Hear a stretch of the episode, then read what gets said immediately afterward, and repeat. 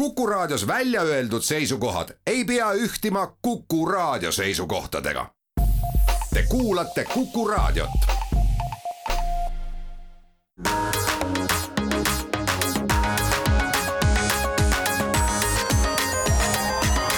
digitund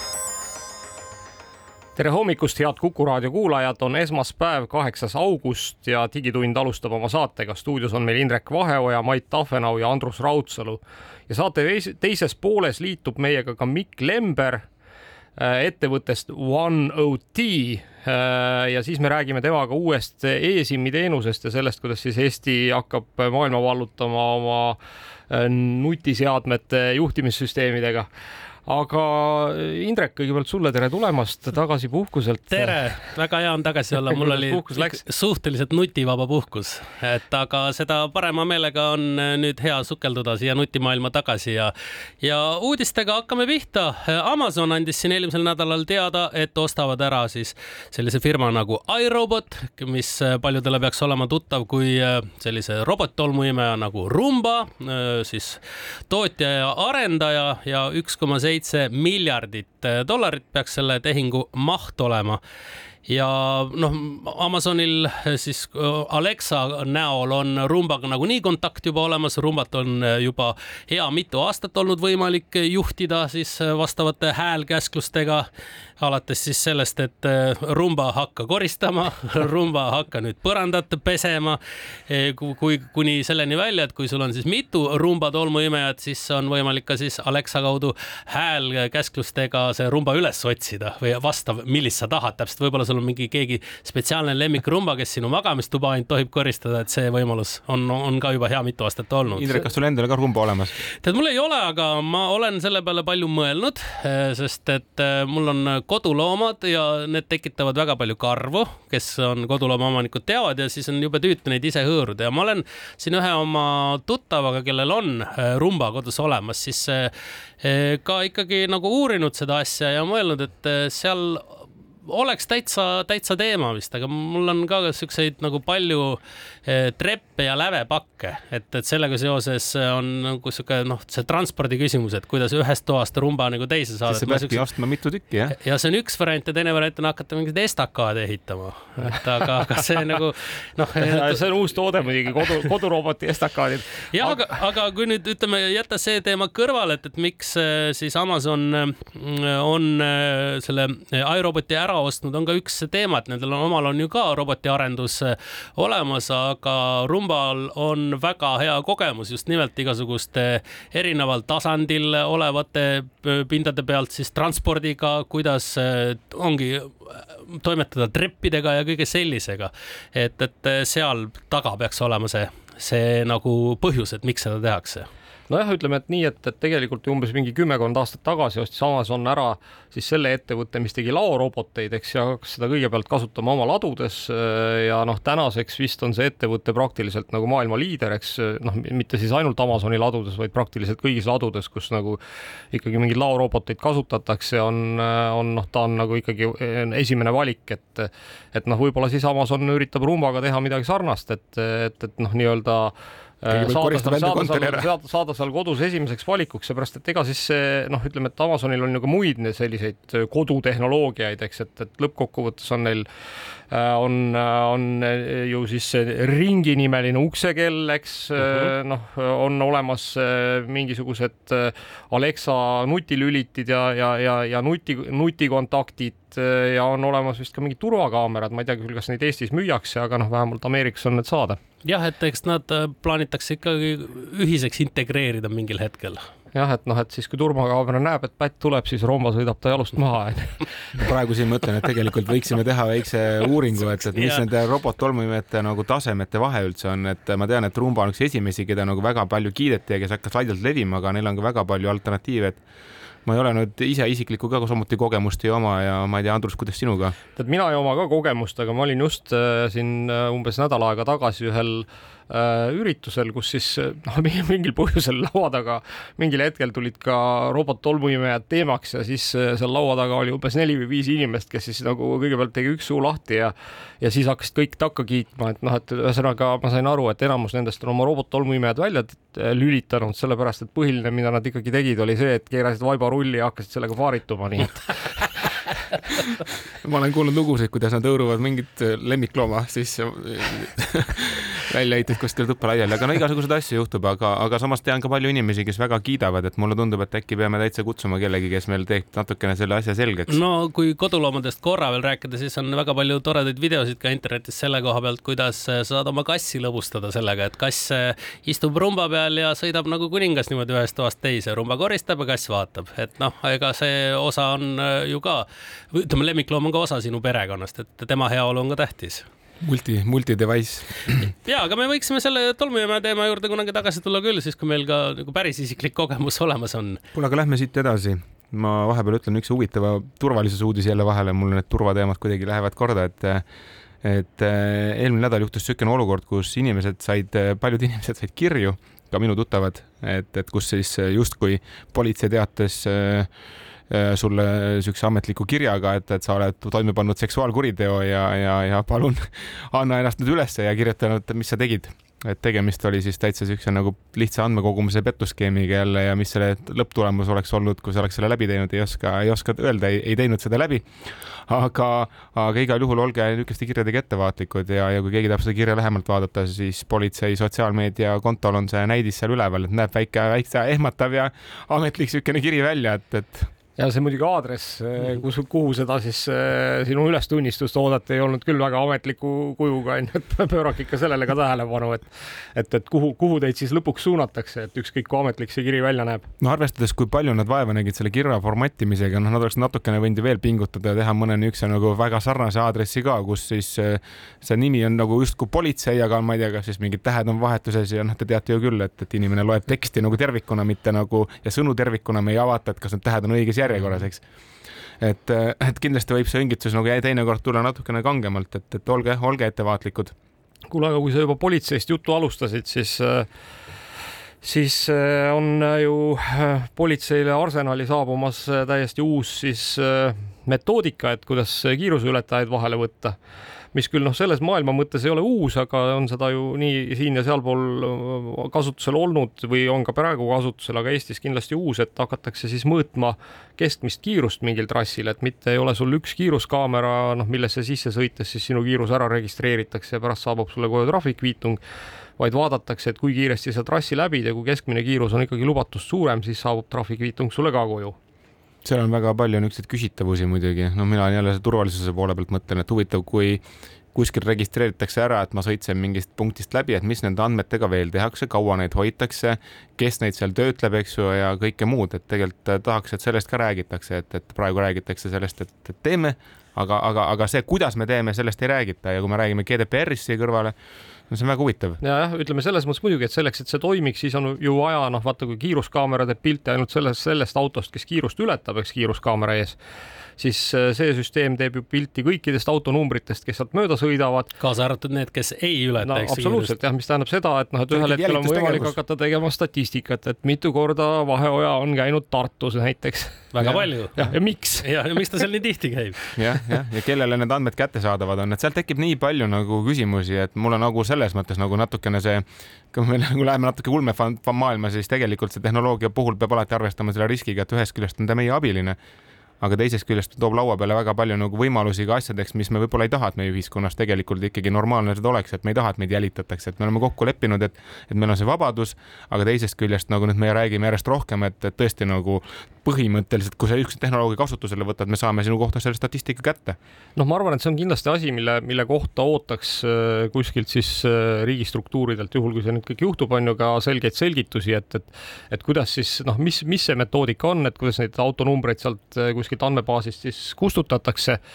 Äh, ja, ja, ja kaua neid seal hoitakse või noh, võib-olla siis hoitakse üldse nagu ainult selleks, et, et kindlaks teha, kas sa oled kiirust ületanud, aga noh, ma nüüd siit kõrvale toon selle näite, et noh, Londonis vist väidetavalt ei tohiks olla ühtegi nurgatagust enam, kus sa äh, saad niimoodi käia, et sa ei satu kaamera, ühegi kaamera vaatlu-, vaatevälja ja noh, kõik need kaamerad registreerivad nägusid ja registreerivad autonumbreid ja kõike muud no ma ütleks, et Aasia on veel hullem näide, et seal ju profileeritakse sind igal võimalusel samamoodi kaameratega. aga positiivsest küljest ma ütleks, et Waze, kui kõik kasutavad, siis minu teada nendes riikides, kus on jälgimisel, ütleb sulle ka, et sa oled selles tsoonis, ole hea, ole lihtsalt tähelepanelik, mis on tegelikult äh, ohutuse mõttes ju hea, et sa tead. no väidetavalt Leedu sellist süsteemi ka teatud kohtades kasutab ja seal on äh, nagu väga head tulemused, et nii et, et eks me peame siis otsustama, kumb on tähtsam, kas inimelu või siis meie enda andmete turvalisus. ja, aga lähme siit reklaamipausile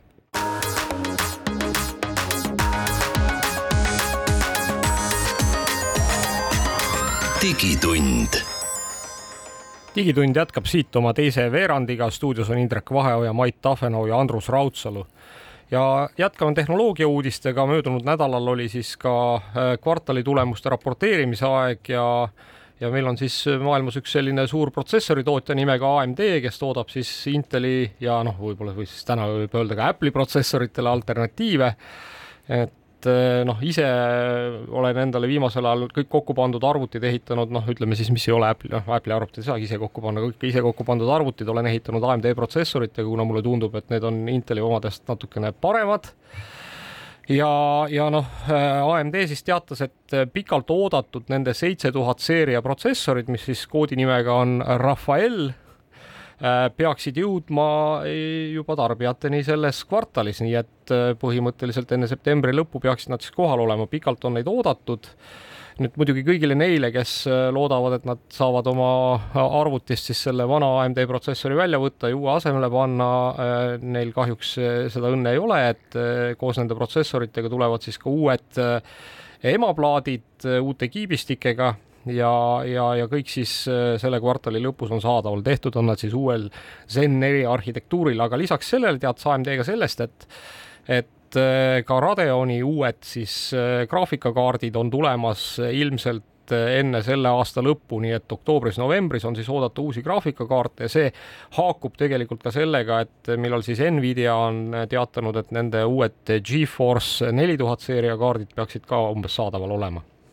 no ma arvan, et uued videokaardid on geimeritele palju suurem asi kui need protsessorid, et mulle tundub, et see on see koht, mis ei ole nagu täna probleemiks, et protsessorite kiirused ei ole nii suuri hüppeid teinud, aga just graafikakaartides kogu aeg oodatakse, et järjest reaalsemaks, ilusamaks, mõnusamaks need mängud lähevad, eks ja kindlasti rõõmustavad ka krüptokaevurid, eks. Kui veel keegi tänapäeval krüptot jällegi raatsib kaevandada. no eks jälgitakse seda hinnainfot, et millal võib enda vabriku sisse lülitada, et. nojah, ja vaata elektri hind on üles läinud, krüpto hind on alla läinud, ei ole vist väga rentaabel tegevus, aga, aga noh, ütleme, et äh, mingil põhjusel siiski, siiski noh, näiteks Ethereum, äh, mis pidi juba ammu-ammu minema äh, proof of work'i pealt proof of stake'i peale, ehk siis enam kaevandama sellisel kujul graafikakaartidega ei oleks seda pidanud, noh, siiamaani ei ole suutnud seda teha, nii et seda on lubat-, lubati suvel, noh, suvi hakkab läbi saama, kuulda ei ole, et läheks, nii et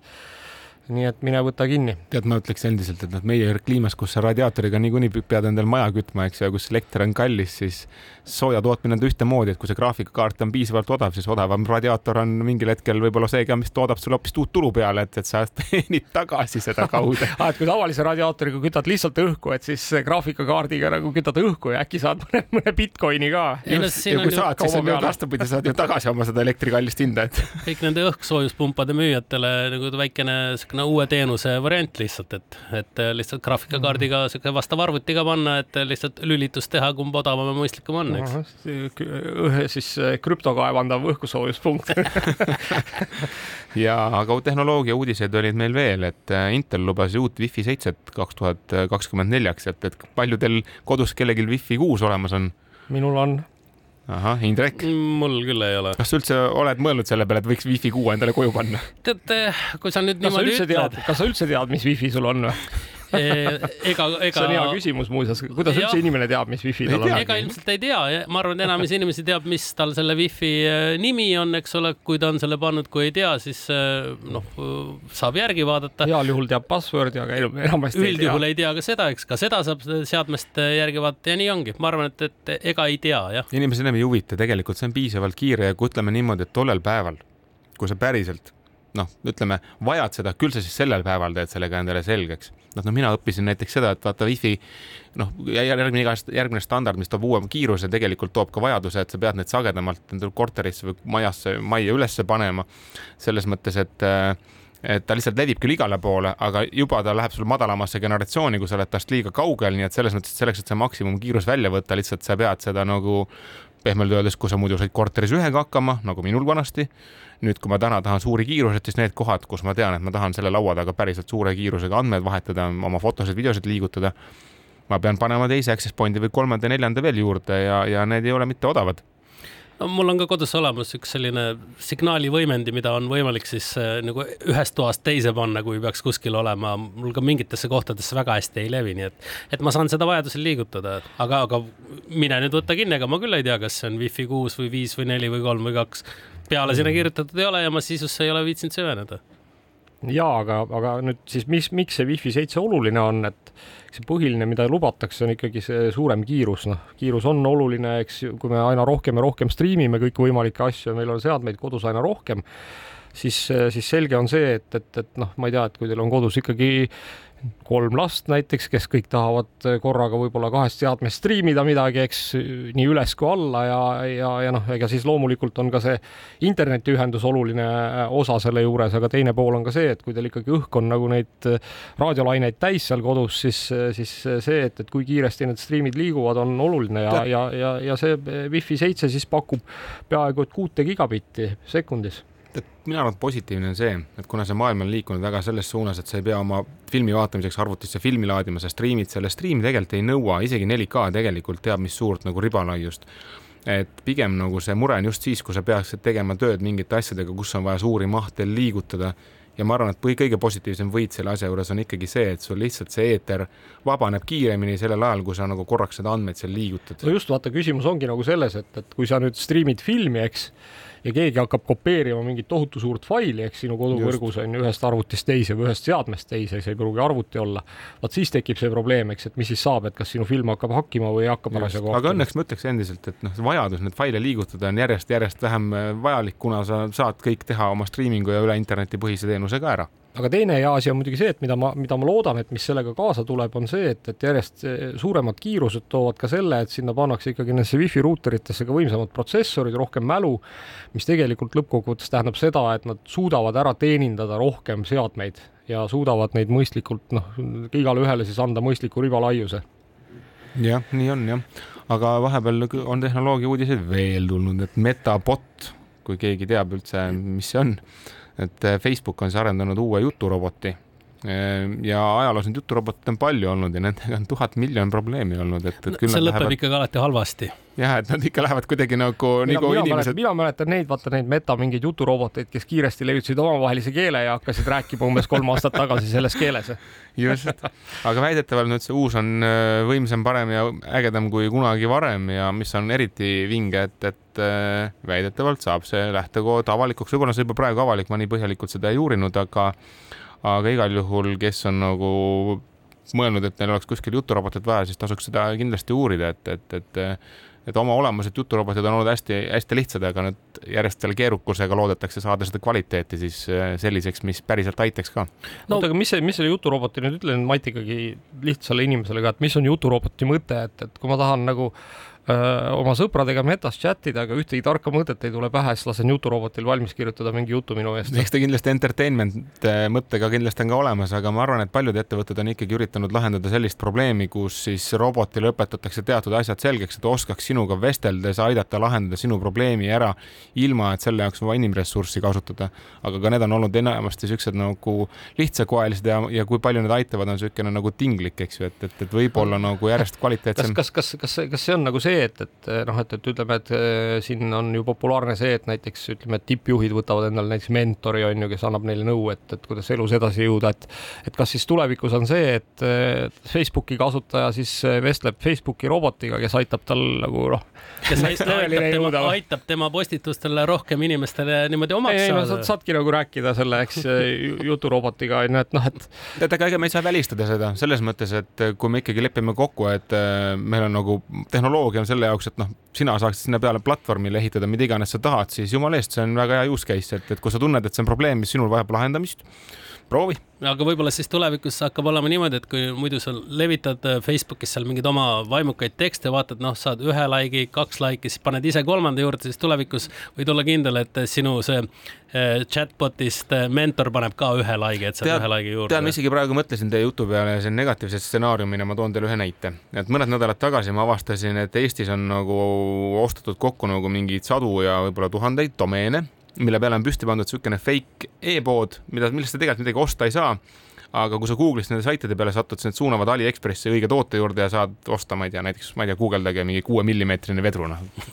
et just avastada need poesaidid üles. kui tihti sa guugeldad kuue millimeetrist vedru? miks sa selliseid asju guugeldad? oli vaja, noh, ja siis ma avastasin ja, ja, ja asja lähemalt uurides selgus, et noh, et see on niisugune otsi roboti, ütleme siis noh, et otsides Eesti inforuumist mingit asja, satud sa Aliekspressi saidile, kuhu sa muidu võib-olla ei satuks, sest see ei ole Eesti inforuumis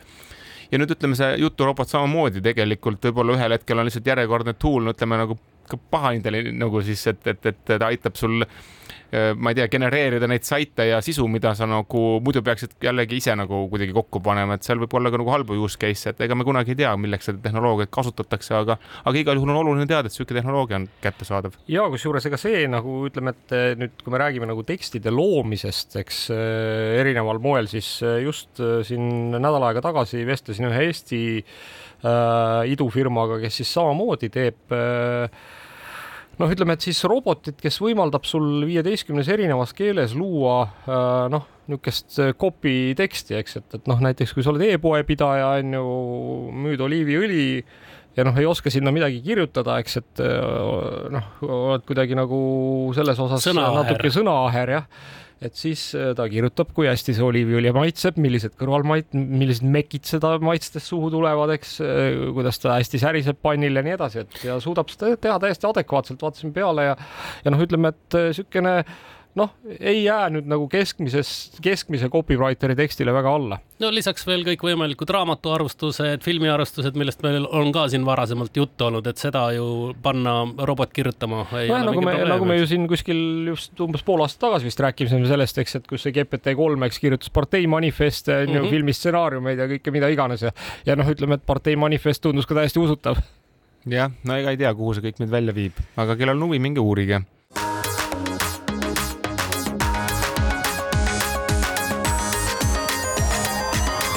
digitund.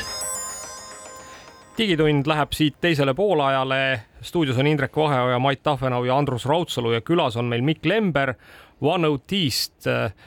räägime siis, võib-olla alustame üldse sellest, et, et ma arvan, et enamus raadiokuulajaid ei tea, mis asi see OneOT on või millega te tegelete, et Mikk, valgusta meid natuke, palun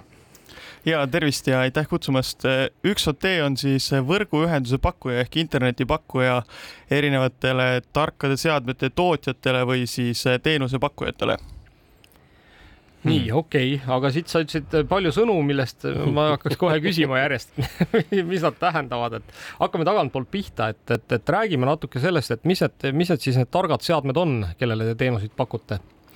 ja ma arvan, et äh, raadioküla äh, kuulajale Eestis on võib-olla kõige lihtsam näide needsamad äh, jagamistõukerattad tänava peal või ka siis autod, kus siis põhimõtteliselt on SIM-kaart sees, et sa saaksid selle nii-öelda tõukerattaga suhelda, et kui sa äpis paned, et ava uksed või aktiveeri ratas siis saadetakse selle käsklus tõukeratta peale ja sa saad selle sõitma hakata. et äh, samamoodi, mis puudutab ka kõiki näiteks neid iseliikuvaid roboteid, mis veavad toitu ja muid asju laiali, et ka neil on äh, SIM-kaart sees ja, ja, ja edastavad siis infot, kus nad on, mida nad teevad, avavad neid, lukustavad uksi ja kõike seda poolt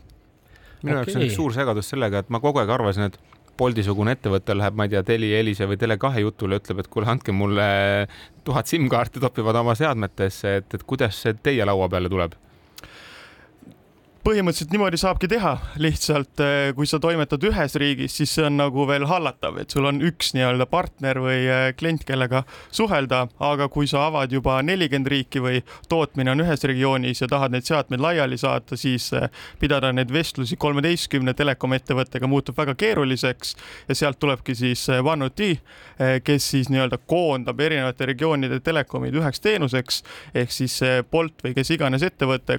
peab suhtlema ainult ühe ettevõttega, aga tal on ikkagi see võimekus põhimõtteliselt igas regioonis teenust saada ja tal on see nii-öelda flexibility või siis niisugune mugav teenus. okei okay,, et noh, kui ma siin tõmban paralleeli, et, et et Eestis oli kunagi selline startup nimega Fortumo, eks, kes tegi sellist teenust, et suutis siis, ma ei tea, noh ma ei tea, palju neid telekomme maailmas on, eks sadade ja sadade maailma telekomidega kokku leppida, eks, et kui sa olid näiteks mängutootja, kes tahtis mobiilimängu müüa, siis sinu maksed toimisid noh, Bangladeshis on ju, ma ei tea, Nicaraguas ja, ja, ja, ja Norras on ju. Et, et, et kas sisuliselt noh, ütleme, et, et täna siis see, mida te teete, on üsna samasugune, on ju ainult selle vahega, et te mitte ei, ei vahenda makseid, vaid te olete siis need te telekomid niimoodi kokku koondanud ja noh, selle asemel, et siis noh, ma ei tea, mingisugune Bolti tootejuht peaks minema siis kotiga on ju Saksamaal ja, ja, ja, ja, ja, ja kuskil Kambias on ju nagu tooma nagu siis SIM-kaarte, eks on ju. bensiinijaamast ostma neid stardipakette, eks ju. et, et, et selle asemel siis äh, tegelikult äh, ta tuleb teile, sõlmib lepingu ja siis te noh, lahendate kõik need probleemid ühest kohast ära või? ja täpselt, see on väga õige paralleel, et Fortumo isegi investorid ja asutajad on tegelikult ka üks OT esimesed investorid, nii et see paralleel on õige ja sealt see esimene idee ja probleemi äratajumine ka tuli, et lihtsalt jah, meie liikusime siis nagu 2G, 3G, 4G peale ja nüüd ka 5G, et siis võrguühendus ja internet. aga kus see teenus kättesaadav on, et palju teil neid riike on? Teenus on kättesaadav üle kogu maailma, kui ma ei eksi, siis neid riike on äkki sada üheksakümmend kaks, kus on vähemalt üks võrk nii-öelda saadaval. Ja, ja, ja hetkel on meie SIM-kaardid ära käinud saja kolmekümne kahes riigis, ehk siis põhimõtteliselt kahele kolmandikule maailmale on nagu tiir peale tehtud. Põhja-Korea on ka nimekirjas. vot see, see on riik, mis jääb välja. Okay.. ma ei tea, kas seal üldse on SIM-kaarte. Aga palju neid riike on veel, keda ei ole või kui kitsas see nagu on üksikud nii-öelda mingid saareriigid ja kohad, kus on probleeme ja siis võib-olla on ri mõned riigid, kus on poliitilised küsimused, kuhu ei, ei, ei pääse ligi, aga, aga suures pildis ja kogu, kogu maailm on kaetud aga kuidas nüüd, kui me oletame, et kasutan mingit ka sellist teenust või pakun ise teenust, kus mul on vajalik siis, ma ei tea, roaming ut näiteks pakkuda või siis ongi ühest riigist teise liikuda. ja kuidas see valik käib, et kas klient peab lihtsalt ise paika panema selle, et kas ma tahan, alati oleks kõige odavam teenus andmeside jaoks näiteks või ma äh, vajan seda, et, et mul on kogu aeg see side olemas, hoolimata sellest hinnast, et kuidas seal selle tegevus käib? See sõltub palju sellest kliendi äh, kasutusjuhust, et, et missugust teenust tema pakub või millised tooted temal on. aga, aga põhimõtteliselt äh, me oleme arendanud siis nii-öelda ka tarkvara, kus siis klient saab ise valida, äh, mis riigis, mis telekomi ta kasutab. mis tema jaoks oluline on. just ja, ja seal ta panebki paika parameetrid, et kas see on hind, võrkude kättesaadavus, kvaliteet ja tegelikult küsimus tuleb ka selle äh, võrgutehnoloogia, et kas seal on 2G, 3G, 4G või 5G, et mõndades riikides pannakse siin 2G-sid kinni ja 3G-sid kinni, et kõik ka see valikuvõimalus on tal olemas ja see on tegelikult väga oluline IoT-s. Kas teie teenus on kättesaadav kuidagi ikka lihtsale inimesele, et ma ei tea, ma reisin näiteks, ma oletan väga palju ma tahaksin, noh, ma ei tea, võib-olla isegi ei taha tavalist telefonikõne teha, tahaks võib-olla lihtsalt ka nagu internetikõne teha, et, et eh, oleks mul mugavam, et ma ei pea kogu aeg otsima Hiinasse reisides uut SIM-kaarti endale meie tegeleme ainult jah, siis tarkade seadmetega ja nii-öelda ettevõtetega, et tavainimesed meie käest teenust osta ei saa. et aga jah, selliseid nii-öelda teenusepakkujaid on ka, kes nagu siis eh, reisijatel pakuvad nii-öelda sedasamat sarnast lahendust, et nad koondavad kokku erinevad telekomid ja siis saad telefoni pealt valida, et nüüd ma olen Ameerikas, kasutan seda teenust, olen Euroopas, kasutan nende teenust. aga jah, meie üks OT konkreetselt tegeleb ainult siis IoT-ga. palju mul peaks neid seadmeid olema, et teie jaoks üldse kliendiks tulla no siin on erinevaid, et meil on äh, üksikud nii-öelda on äh, teadusasutused ja ülikoolid, kes võib-olla teevad siin kümne-viieteist seadmega ka äh,, alustavad nii-öelda ja aga, aga ütleme sihuke keeruliseks läheb see asi haldamise poole pealt sealt viissada pluss seadmetega ja ma arvan, et meie keskmised kliendid on seal kümne ja viieteist tuhande seadme vahel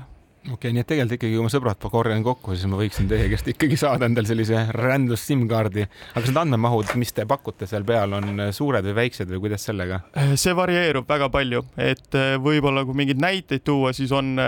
õhukvaliteedi sensorid, mida pannakse linnades laiali, need tarbivad kuu jooksul alla mega, et seal see maht tuleb lihtsalt ongi seadmete arvust, et neid on hästi palju, eks vaja. samas, kui sa võtad mingi iseliikuri, siis nemad seal teevad kuus võib-olla kuuskümmend, kaheksakümmend gigabaiti, et need mahud varieeruvad väga-väga palju. Kas sa iseliikuri all nüüd mõtled siis, ma ei tea, tõuksi autot? Äh? ei, iseliikuri ma pidasin, ütleme seda Starshipi paki okay. robotit. Starshipi paki robot genereerib nii palju datat? jah okei okay,, okei okay,, ta saadab, eks. tal jookseb see videofiid pidevalt. just, just, just ja ta saadab, eks koju igasuguseid andmeid, et, et ma just mõtlesin, et kas tõesti Bolti tõuks ka nagu nii palju andmeid vahetab. no seal ei ole kaamerat, eks ju veel ei ole jah mm.. just, et varsti, varsti tuleb, varsti tuleb kahtepidi kaamera ja seal äh, suurtel nende tarbimiste puhul igasugune optimeerimine ja, ja, ja tarbimise võit on väga-väga suure hinnaga. okei okay aga ütle, kas te noh, ütleme, et siit kohe mul tekkis selline küsimus, et, et sellesama nagu tarbimise optimeerimise koha pealt, et, et noh, tõenäoliselt ma nüüd ei tea, võib-olla ma panen täitsa metsa, eks, aga noh, üks äh, selge kasutajate klass on ju ka need suured äh, rekkade fliidid näiteks, kes siis jälgivad oma autosid, eks kuskilt äh, tsentraalsest kohast on ju, et et kas, kas siis, et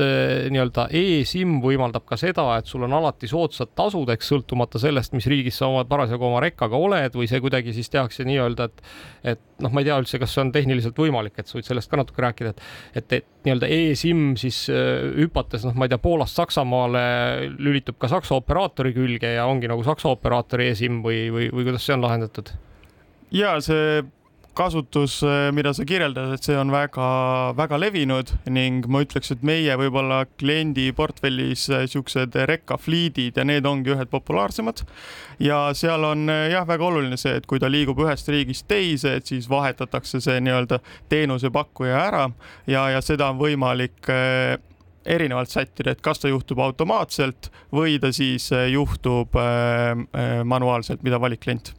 okei okay,, aga lähme siit reklaamipausile ja arutame edasi, et, et kuidas siis saab erinevates riikides internetiga ühenduda.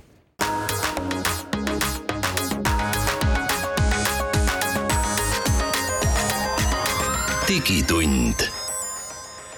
Äh, digitund jätkab oma viimase veerandiga, stuudios on Indrek Vaheoja, Mait Tahvenau ja Andrus Raudsalu ja külas on meil Mikk Lember ettevõttest OneOT ja räägime siis äh, sellest, et kuidas meie nutikad äh, masinad saavad siis ise omavahel üle interneti suhelda ja kuidas OneOT seda võimaldab. me rääkisime sellest, et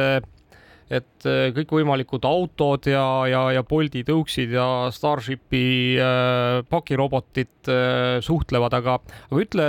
Mikk, et kas äh, noh, meil on ammu olnud niisugune noh, võib-olla nali, eks, et inimestel on nutikülmkapid ja noh, ja terve rida kõikvõimalikke muid seadmeid kodus, mis siis ka nagu kuidagi noh, moel või teisel internetti ühenduvad, et et kas, kas te kuidagi neid ka ühendate? Jah ja ei, et ma ütleks, et suurem osa nendest kodutarvetest, eh, mis ühenduvad internetti, kasutavad tegelikult seda wifi võrku, mis on kodus juba püsti pandud. Ja sellel on päris palju miinuseid, mistõttu aja jooksul on hakanud tegelikult need targa kodu seadmete pakkujad ka kasutama hoopis siis nagu interneti võrguühendust ja SIM-kaarti oma seadmes, mis on tegelikult turvaline ja tagab ka nagu parema teenuse, sest wifi võrk võib vahest maas olla ja mis iganes probleeme sul seal äh, võib ette juhtuda. Aga ütle, kas teil, kas teil on täna juba mõnda niisugust noh, ütleme, et siis ma ei tea, kas sa võid seda üldse öelda, on ju, et, et, et mingisugust sellist äh, kodu noh, ma ei tea, toodete pakkujat või, või ütleme siis niisugust tavatarbija toodete pakkujat, et ma saan endale osta mingisuguse vidina mis eh, noh, ütleme, et ükskõik kuhu ma ta panen, eks, et noh, seesama me rääkisime Amazoni uksekellast, eks on ju, mille sa paned ukse külge, noh, ma ei tea, panen oma aiavärava külge mingisuguse asja ja ma ei pea tegelikult üldse muretsema, et kas wifi sinna jõuab, on ju, vaid noh, tegelikult eh, juba noh, ma ei tea, kas on see valvekaamera, eks mingisugune väravakell või mis iganes muu asi, ta ongi juba internetti ühendatud, eks. Ja ma julgen soovitada sulle Huumi äh, tarka kerist, et kui sa oled teelt koju, siis saad panna sauna juba sooja, et kui koju jõuad, siis on hea soe, nii et äh, on olemas ja okei. Okay kuule, aga ma läheks natuke niisuguste tehniliste küsimuste juurde ka, et eh, tahaks nagu vaadata, mis on karul kõhus, et mis asi see eSIM on, teeme võib-olla korraks selle lihtsalt selgeks just, eSIM ise on tegelikult nii-öelda tehnoloogia, ehk siis välja ta näeb nagu äh, tavaline SIM-kaart, ehk siis ta on, kas on see plastik SIM ja, ja mis see eSIM on siis see, et ta lubab kasutada sedasama SIM-kaarti erinevate telekomi teenusepakkujaks ja neid telekomi teenusepakkujaid vahetatakse siis seal SIM-kaardil üle võrgu, et sa ei pea seadmes SIM-kaardi välja vahetama äh,, seda plastikjubinat, vaid et üle võrgu valid, et nüüd mul on Telia homme mul on Tele2, et see on see e-SIM-i nii-öelda tehnoloogia. okei okay,, nii et põhimõtteliselt ma saan veel isegi niimoodi aru, et on võimalik saada e-SIM nii, et on seadmesse sisse ehitatud, kui ka plastikkaardi kujule panna seadmesse, kus e-SIM-i tugu muidu ei olnud. just okay.. et äh, seal on jah, et kas on see plastik nii-öelda form factor või siis on joodetud, mis on siis kinnine seal seadme sees juba ja, ja seda sa enam kätte ei saagi. siis on kuskil internetis mingi keskkond, kus ma saan seda kõike hallata, öelda, et praegu tal on selline teenus või selle operaatori küljes just, et äh, selleks ongi meil jah, arendatud eraldi haldustarkvara, kus sa siis kontrollid seda, et mis äh, teenus seal on või nii-öelda, mis telekom teenus on seal hetkel aktiveeritud. ja edasi loeb juba see, et mis modem seadmes on, kas ta oskab ka 5G-s hakkama saada ja nii edasi ja nüüd sõltub, kuidas sinu auto on ehitatud, kas ta toetab neid uusi võrke ja. Mm. just, just, et seal on äh, nii-öelda keerukust on päris palju, aga jah, ütleme, kui sa oled seadmetootja ja hakkad seda pilti kokku panema, siis sa alustadki nagu, et mis on, kui suur on seade, mis tal vajadused on, mis mo-, moodemi ma saan mm -hmm. ja siis mhm. sealt edasi liigun, et kas mul on plastilist seda plastikust eh, SIM-kaarti vaja või on mul joodetav SIM-kaart ja siis paned kogu selle pildi kokku ja, ja alles hiljem siis äh, hakkad nii-öelda valima, mis äh, teenusepakkuja seda teenust internetti pakub. okei okay,, ja teie lahendate siis seda probleemi, et mul oleks võimalikult kerge väga paljude operaatoritega nagu suhelda, et ma suhtlen teiega teie lahendate kõik ülejäänud minu eest ära. aga mida te praegu avasite, teil toimus mingi niisugune suurem sündmus, mis te tegite oma teenuses? just, et eh, mis me avasime, on siis nii-öelda see e-SIM-i infrastruktuur, mis siis töötab tagataustal, mille külge on kõik need eh, virtuaalsed SIM-kaardid ühendatud, mis lähevad meie, eh, mida me siis ostame nii-öelda sisse oma telekom partneritelt. et kuidas seda seletada, siis võib-olla on hästi turvaline serveriruum, kuhu tulevad meil kaheteistkümne erineva partneri nii-öelda SIM-kaardid, mis siis nagu tehakse üle võrgu kättesaadavaks meie klientidele. et see on niisugune koht, kus hoiustada neid nii-öelda piltlikul öeldes isegi võib öelda telefoninumbreid. proovin korra selle lahti teha. ma, ma, ma kohe, ma kohe küsin nagu rumal, täitsa rumala äh, küsimuse, et, et kas teil nagu reaalselt siis on mingisugused nagu masinad, kus on füüsiliselt mingid SIM-kaardid sees või? Ei, seda mitte, et eh, neid eh, nimetatakse SIM-kaardi võtmeteks, mis siis nii-öelda äh, istuvad seal turvatud serveriruumis ning siis äh, määravad, määratakse läbi arvuti, et mingi see võti nüüd liigub sellele SIM-kaardile, see seade asub seal Saksamaal ja nüüd ta hakkab kasutama Deutsche Telekomi. ehk siis tehniliselt see toimub niimoodi, et minul on kuskil füüsiline SIM-kaart see nüüd omakorda suhtleb mobiilioperaatoriga ja mobiilioperaator omakorda transpordib sealt tuleva informatsiooni kuhugi siis teie juurde ja teie omakorda siis aktiveerite sinna mingisuguseid teenuseid peale ja teate operaatorile omakorda tagasi öelda, et te olete niisugune nagu siis tegelikult see, keda nagu operaator vahendab meie vahet, vahendame operaatoreid, ehk mm -hmm. siis piltlikult öeldes võib ka niimoodi ette kujutada, et meie oleme see mm, toru, mis on siis erinevate telekomide vahel mm -hmm. selle ühe kliendi jaoks, kus tema siis saab nagu nii-öelda avada ja kinni panna erinevaid lepinguid erinevate telekomi tootjatega nojah, ütleme, et selles mõttes minu arust sa, sa oled vaata nagu kliendi jaoks, noh, ma ei tea, võib-olla jällegi äh, rumal näide, et oled nagu natuke nagu transferwise, eks, et, et et tahan, hoian nagu raha daalades, tahan, hoian, ma ei tea, Jaapani jeenides on ju, tahan, hoian eurodes, tahan, hoian veel mingis kolmandas valuutas on ju, Kanada dollarites, et et noh, et, et, et ja sisuliselt on ainult üks koht, kuhu ma pean, eks ma ei pea avama Kanadas pangaarvet, ma ei pea avama Ameerikas pangaarvet, eks, vaid ma tegelikult saan seda teha ühest kohast ja, ja, ja noh, ütleme, et see on seesama, eks, et, et te olete nagu gigaoperaator operaator, et noh, et ma ei pea nagu kõikide operaatoritega lepinguid sõlmima, et sõlmin ainult teiega ja, ja, ja põhimõtteliselt mul ongi nagu virtuaalselt kõikide operaatorite lepingud sõlmitud kas te olete meie regioonis ainuke selline teenusepakkuja või on siin lähe, lähedal kuskil konkurente ka? kõige lähemal konkurendid äh kes ei kasuta küll e-SIM-i, aga teevad sedasama asja, ehk siis nad füüsiliselt ostavad kokku nii-öelda klient, äh, erinevate telekomide SIM-kaarte ja siis äh, saadavad välja neid nii-öelda enda laost. Äh, need asuvad Taanis ja Saksamaal, aga, aga siin lähiregioonis rohkem ei ole. palju, palju teil üldse maailmas konkurente on? Sõltub, kuidas sa konkurenti defineerid, et eh, konkurendid on ka tegelikult kõik telekomid, eks, kus kohast on võim, aga samas on ka nad meie partnerid, aga ma ise või meie siin ettevõttes loeme nii-öelda oma konkurentideks võib-olla kümme, kaksteist niisugust ettevõtet, kes siis kasutavad sarnast ärimudelit ning kes eh, on teinud või tegemas esimesi samme nagu e-SIM-i lahendusel ka mm. -hmm. Okay. tegelikult võiks öelda, et teie olete siis globaalse haardega operaator, et kui muidu on kohalikud operaatorid, siis teie olete globaalne ja globaalsed operaatorid on veel, eks aga lihtsalt nagu see on kuidagi nagu vähem teada. aga sihuke küsimus, et äh, kui ma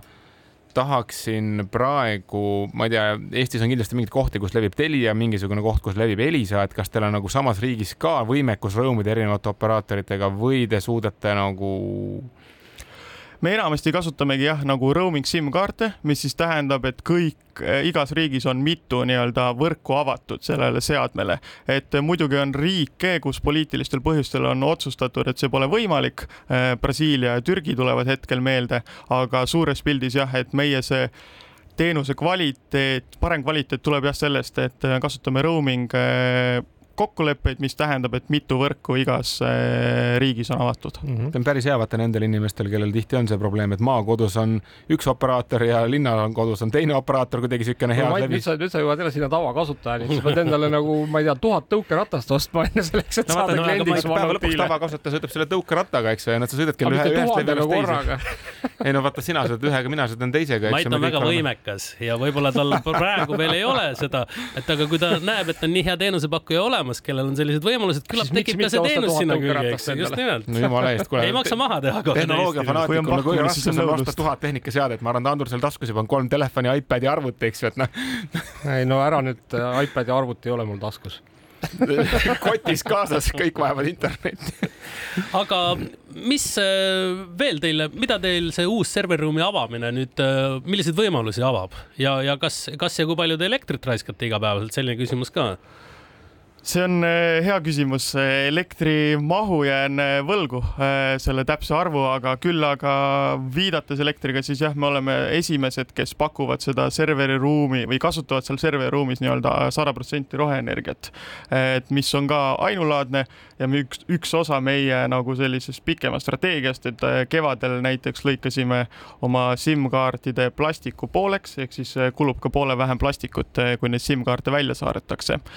aga mis see e-SIM-i infrastruktuuri avamine, äh, mis see meile annab, on see, et me oleme seda teenust pakkunud siin e-SIM teenust neli aastat ja, ja, ja selle ajaga oleme suutnud välja saata miljon SIM-kaarti või e-SIM-kaarti siis ning näeme, et seal on suur potentsiaal ja vajadus lihtsalt eh, nii-öelda senised teenusepakkujad, keda me kasutasime eh, ja teised võimalused turul ei ole piisavalt head, et meie kiirusega kaasas käia. ehk siis nüüd me saame panna uue käigu sisse ning eh, laiendada oma haaret ja, ja, ja kasvada kiiremini mis teil eesmärk on, kas teil on mingi numbriline eesmärk ka, et noh, ma ei tea, aastaks äh, kaks tuhat kakskümmend viis, äh, ma ei tea, miljard e-SIM-i, midagi sellist? numbrilist eesmärki ei ole isegi, et ei ole mõelnud selle peale, aga, aga, aga võib-olla äh, lähen, lähen kontorisse ja, ja mõtlen välja selle see oleks päris kõva, ma arvan, mitte isegi miljard, vaid kümme miljardit. vaata, vaata, kui palju seadmeid on tegelikult inimese kohta meil igal pool jah, ja mitte ainult inimese kohta, eks, et noh, lõppkokkuvõttes ongi, et sul ei ole mitte ainult need seadmed, mis on su kodus, eks, vaid ka need seadmed, noh, aina rohkem ja rohkem tegelikult, vaata, mille, mille peale me ju ei mõtle, eks. aina rohkem ja rohkem on neid seadmeid, mida me tarbime, mis ei ole meie omad, eks, noh, mis on täpselt seesama Bolti tõuks, eks on ju noh, mingisugune pakirobot. no kuule, kõik autod, mis poest praegu tulevad, igas ühes on jällegi SIM-kaart sees, kus saad teha nii hädaabikõnet kui autot kaugelt kontrollida, et noh, neid kohti on nii palju. muuseas, muuseas, aga ma korra küsingi nende poest tulevate autode kohta, et noh, et, et te nüüd teenindate neid eh, suuri rekkafliite, aga, aga poest tulevad autod, et, et kas täna on ka mingisugune mõte selles, et, et, et noh, ma ei tea, näiteks ma ei tea, BMW või, või, või, või, või, või Volvo või keegi noh, nii-öelda saadab oma autod juba välja nii-öelda aktiveerituna, eks, et, et noh, sisuliselt teie käest saaks ju teenuse osta ja ja noh, ma ei tea, see toimiks näiteks vähemalt terves Euroopas on ju ja äh, eks see autotööstus on kindlasti üks suur eesmärk, et kui pole, pole numbrilist eesmärki, siis on vähemalt nii-öelda äh, kategooria eesmärk, kuhu nagu liikuda. ja mis autode puhul on veel huvitav, on tegelikult see, et äh, nüüd uuemad seeriad, nad kasutavad lausa kahte SIM-kaarti. ehk siis üks SIM-kaart on see, mis jääb selle BMW ehk autotootja enda kätte, mis saadab talle kogu eluaja jooksul nii-öelda auto kohta andme, andmeid ja siis teine on see SIM-kaart, mille pealt tuleb kogu see kliendi, mis ta sealt ekraani pealt näeb ja mis meelelahutus, mida ta tarbib ja seda vahetatakse vastavalt sellele, kuhu riiki auto müüakse või kui ta liigub järelturul kuhugi uude regiooni. et tegelikult autodel on lausa kaks SIM-kaarti sees. no vot, mis välja tuli nüüd eh, võib-olla see Eesti politsei võiks teha BMW-ga lihtsalt kokkuleppe ja, ja küsida sealt, et kes on kiirust ületanud. Pole kiiruskaameraid vaja enam jah. minu arust saaks, saaks, saaks kõvasti raha kokku hoida turva peal meil Teslased rendib minu arust isegi karistab oma kliente, kui sa ületasid oluliselt kiirust. okei okay., kuulge, aga, aga siinkohal äh, meie saateaeg hakkab otsa saama. aitäh, Mikk, et äh, tulid ja rääkisid meile OneNote'ist ja soovime siis teile, et, et see kümme miljardit seadet tuleks võimalikult kiiresti ja Digitunni kuulajatega kohtume juba nädala pärast